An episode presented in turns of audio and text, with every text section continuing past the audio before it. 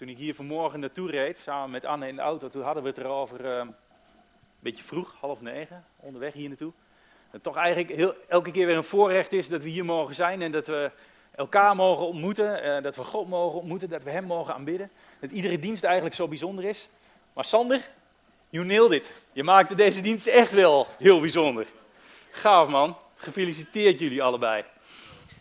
Uh, wat je zelf al zei, jullie zijn voor elkaar gemaakt. Jullie zitten bij mij op de, op de live groep. Volgens mij is het echt zo. Uh, jullie passen super bij elkaar. Heel tof.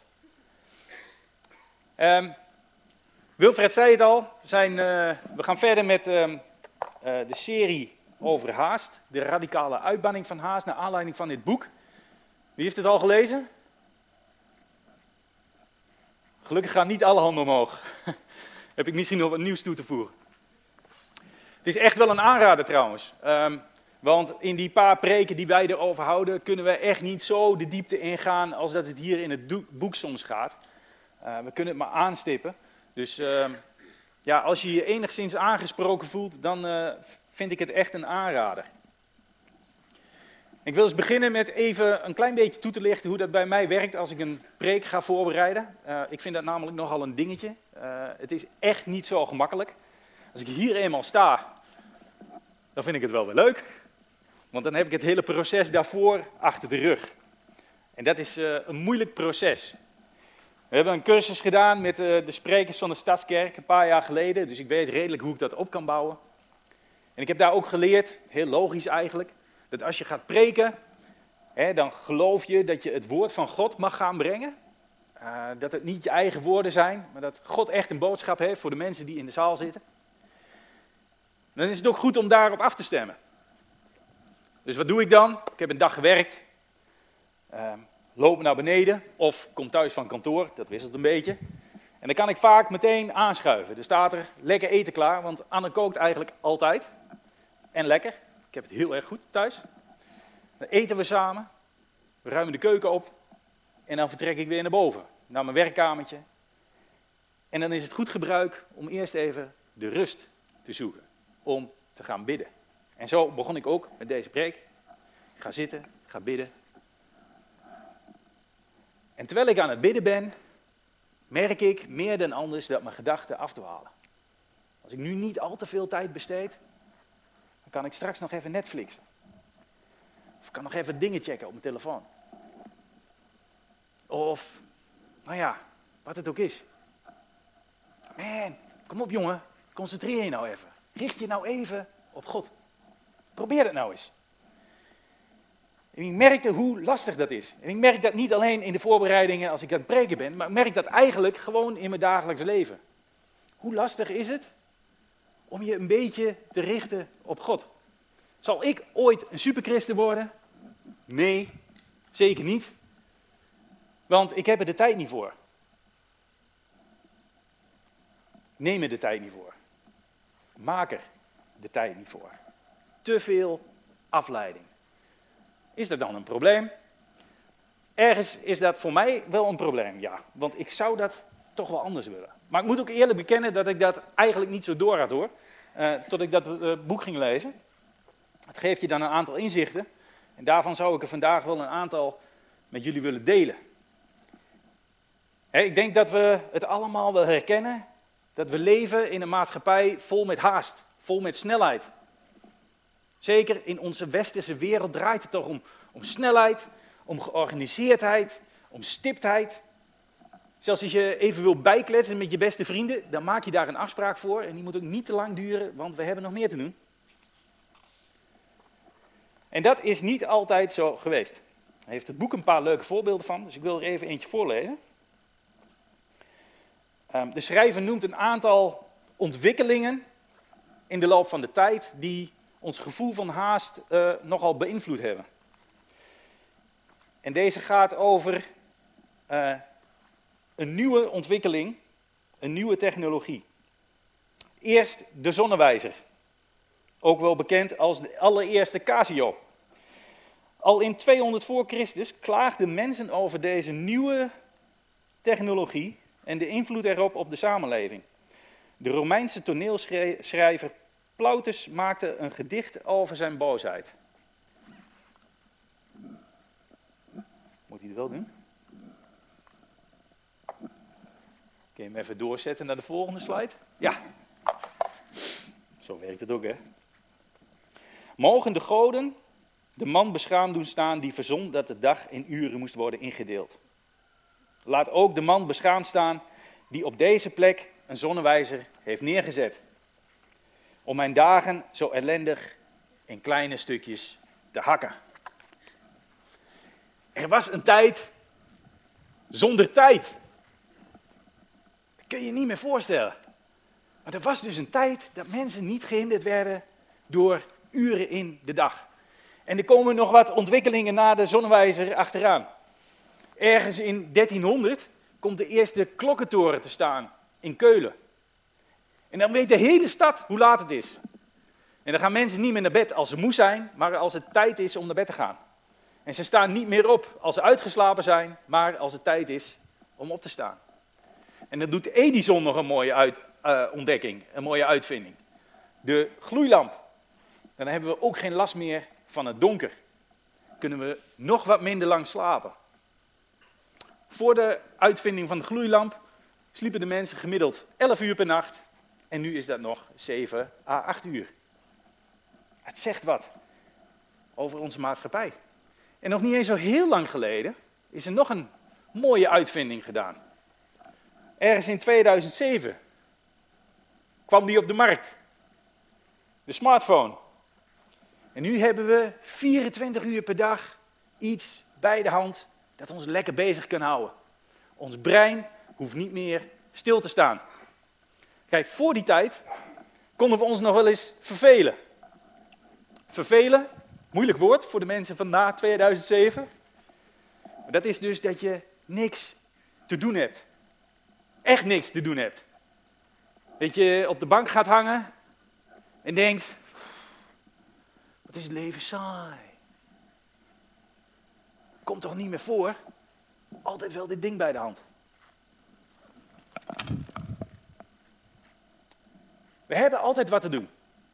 En het liefst moet het nog wat sneller, want sneller is beter dan snel. 130 op de snelweg is beter dan 100. Een e-bike is beter dan een bike. En als de trein een minuutje te laat is, is dat toch eigenlijk wel een doodzonde. We hebben haast.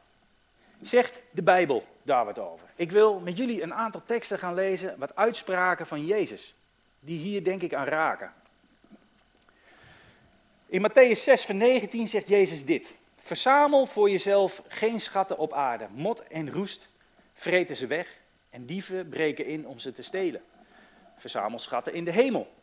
Daar vreten mot nog roest weg. Daar breken geen dieven in om ze te stelen. Waar je schat is, daar zal ook je hart zijn. Jezus zegt eigenlijk, richt je nou niet te veel op het materiële. Op de dingen die je kunt vasthouden. Want dat voegt zo weinig toe.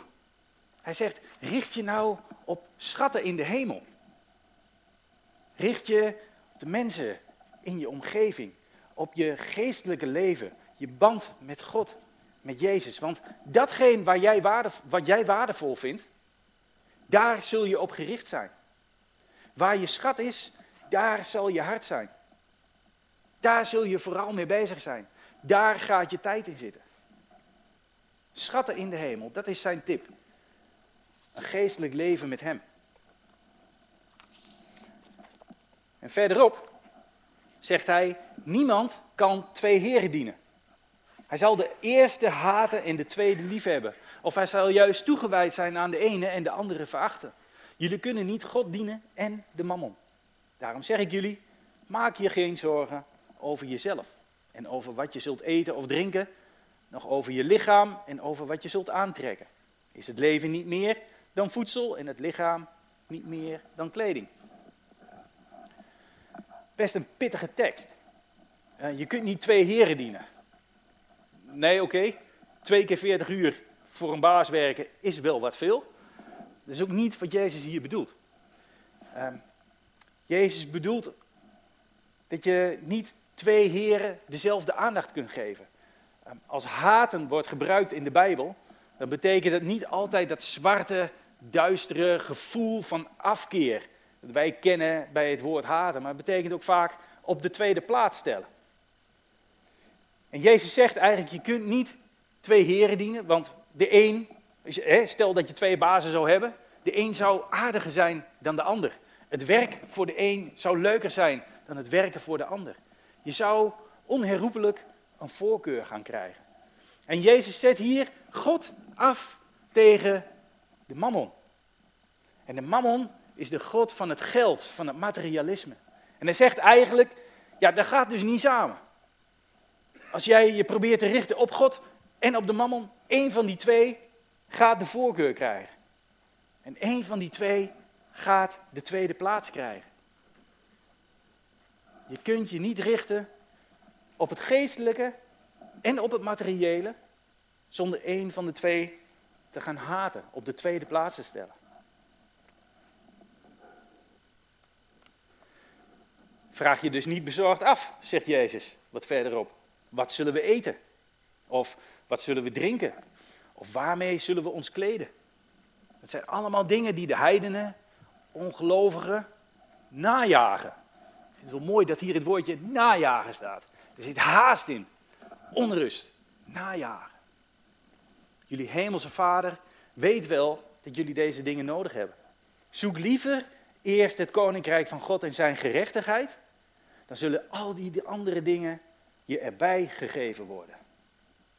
Nee, niet God dienen en de mammon. Niet je druk maken over wat je zult eten of drinken of over je kleren. Richt je op het koninkrijk van God.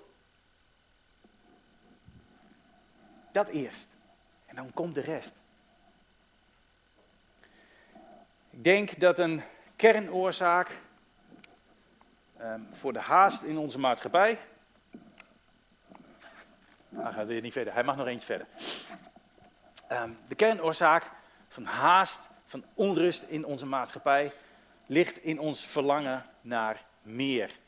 Meer, meer, meer. En laten we eerlijk zijn, dat is niet zo gek. Want jij wilt toch ook leven in een leuk huis, wonen in een leuk huis. Liefst met een leuke tuin eromheen. Ook weer niet te groot met te veel onderhoud, want dat kost te veel tijd. Maar toch wel leuk ingericht. Vooral niet alleen maar functioneel, maar ook mooi voor het oog. leuke auto, goede fiets, leuke kleren in de kast.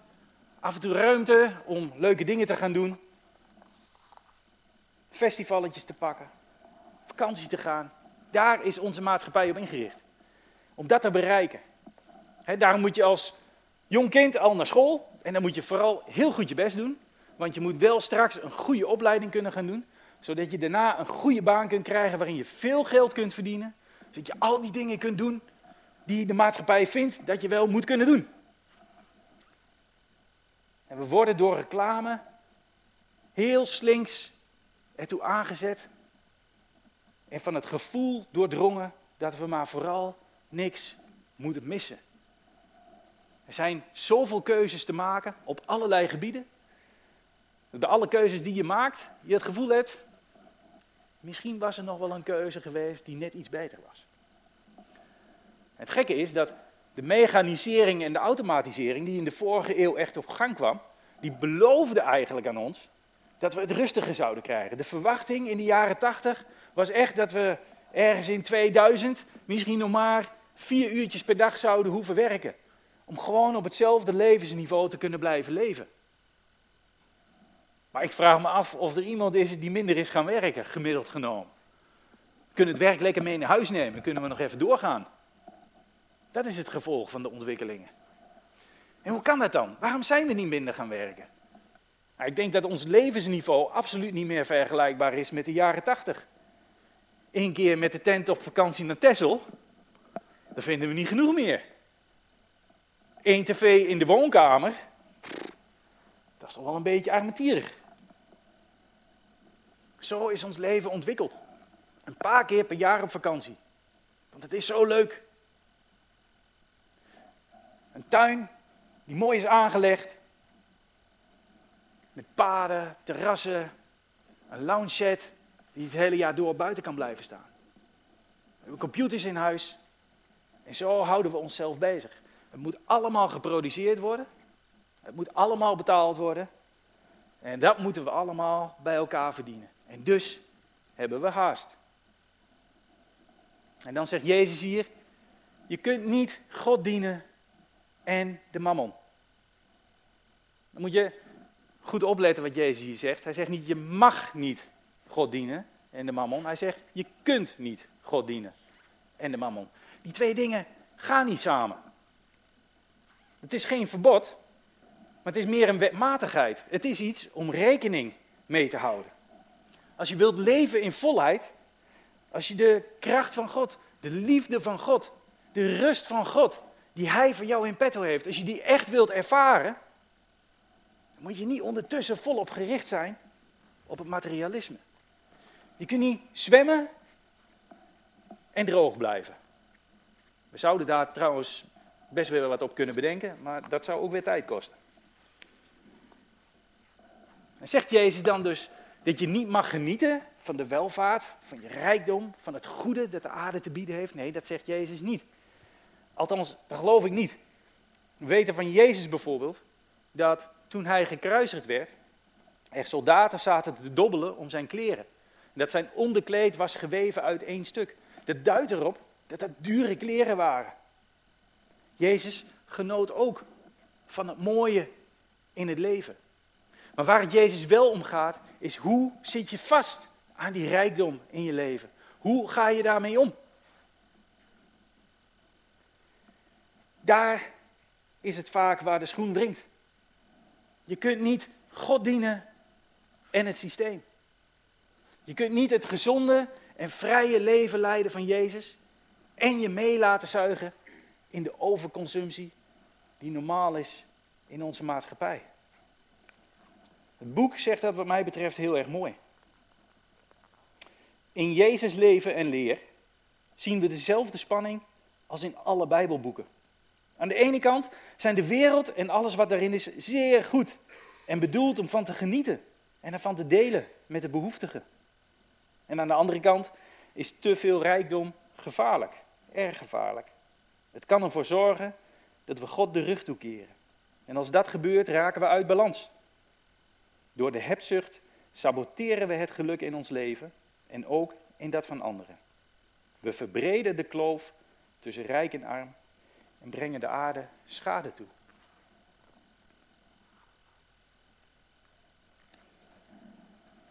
Daarom zeg ik jullie, zegt Jezus, maak je geen zorgen. Het woordje daarom verbindt een aantal uitspraken van Jezus over geld en over bezit met je zorgen maken. Jezus legt de relatie tussen bezit en zorgen. We maken ons zorgen om wat we aanbidden. We houden ons bezig met datgene dat we aanbidden. Waar we ons hart op zetten. Als je je geld zet op geld, als je je hart zet op geld en bezit, dan zal het je gaan verslinden. Dat wil toch eigenlijk niemand? En daarom pleit Jezus als het ware voor een eenvoudige levensstijl. Een levensstijl waarin je niet zo bezig bent met materieel bezit. Niet meer, meer, meer. Zodat je soms gewoon heel praktisch minder hoeft te zoeken. Niet op zoek hoeft te gaan naar dat ene ding dat toch ergens op zolder of in de schuur moet liggen tussen al die andere spullen die ook al drie jaar niet meer hebt gebruikt. Minder. In plaats van meer. Met als doel een leven in overvloed met Hem, met Jezus. Het doel is dat je op elk moment van de dag bewust kunt genieten van Jezus gezelschap. Dat je je leven doorbrengt met Hem. Koop minder, krijg meer. Ik zou je een aantal tips kunnen meegeven over hoe je wat meer eenvoud, wat meer rust in je leven kunt brengen. Maar die staan in het boek. Dus dan zou ik zeggen, lees het boek daar eens op na. Maar ik zou nou wel even willen ingaan op waarom is dit nou zo belangrijk? Ik heb me dat in de voorbereiding van de preek een paar keer afgevraagd. Waarom is dit nou zo belangrijk? En ik denk dat ik het antwoord heb gekregen, of een antwoord toch, op Goede Vrijdag. Anderhalve week geleden. We waren met het stadskerkteam bij elkaar om Goede Vrijdag te gedenken. En Job was daar, Job Kerkhoff. Job, je ben, je er vandaag? Job is er niet. Wel mooi, dan kan hij niet controleren of ik het wel goed navertel of niet. En Job hield een korte inleiding. En dat kan hij heel goed. En hij raakte mij met zijn inleiding.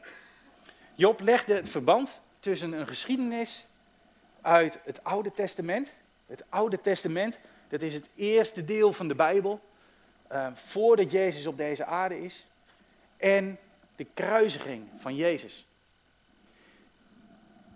Helemaal aan het begin van de geschiedenis schept God de hemel. Met daar, uh, en de aarde. En op de aarde de mens. En hij geeft de mens een vrije keus. En al vrij snel leidt dat ertoe dat de mens zijn eigen weg wil gaan. En zijn rug naar God toekeert. En er ontstaat afstand tussen God en de mens.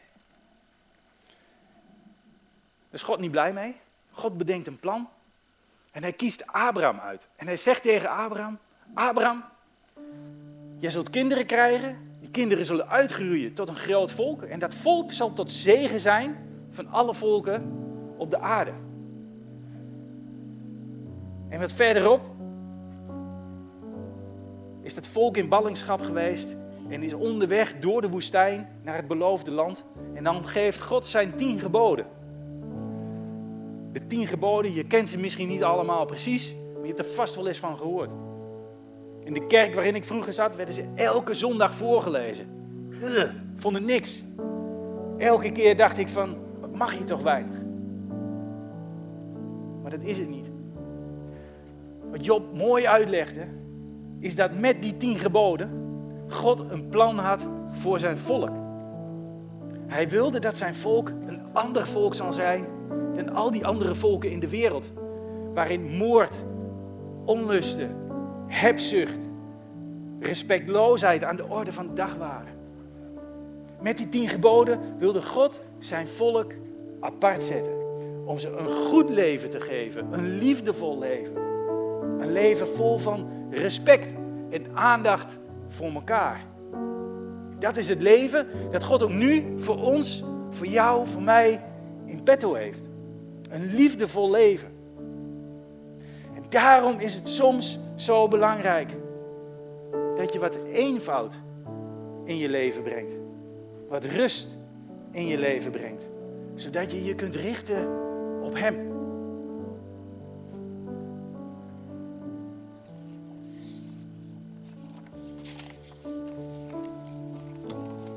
Als lid van zijn volk mag jij een ander leven leiden.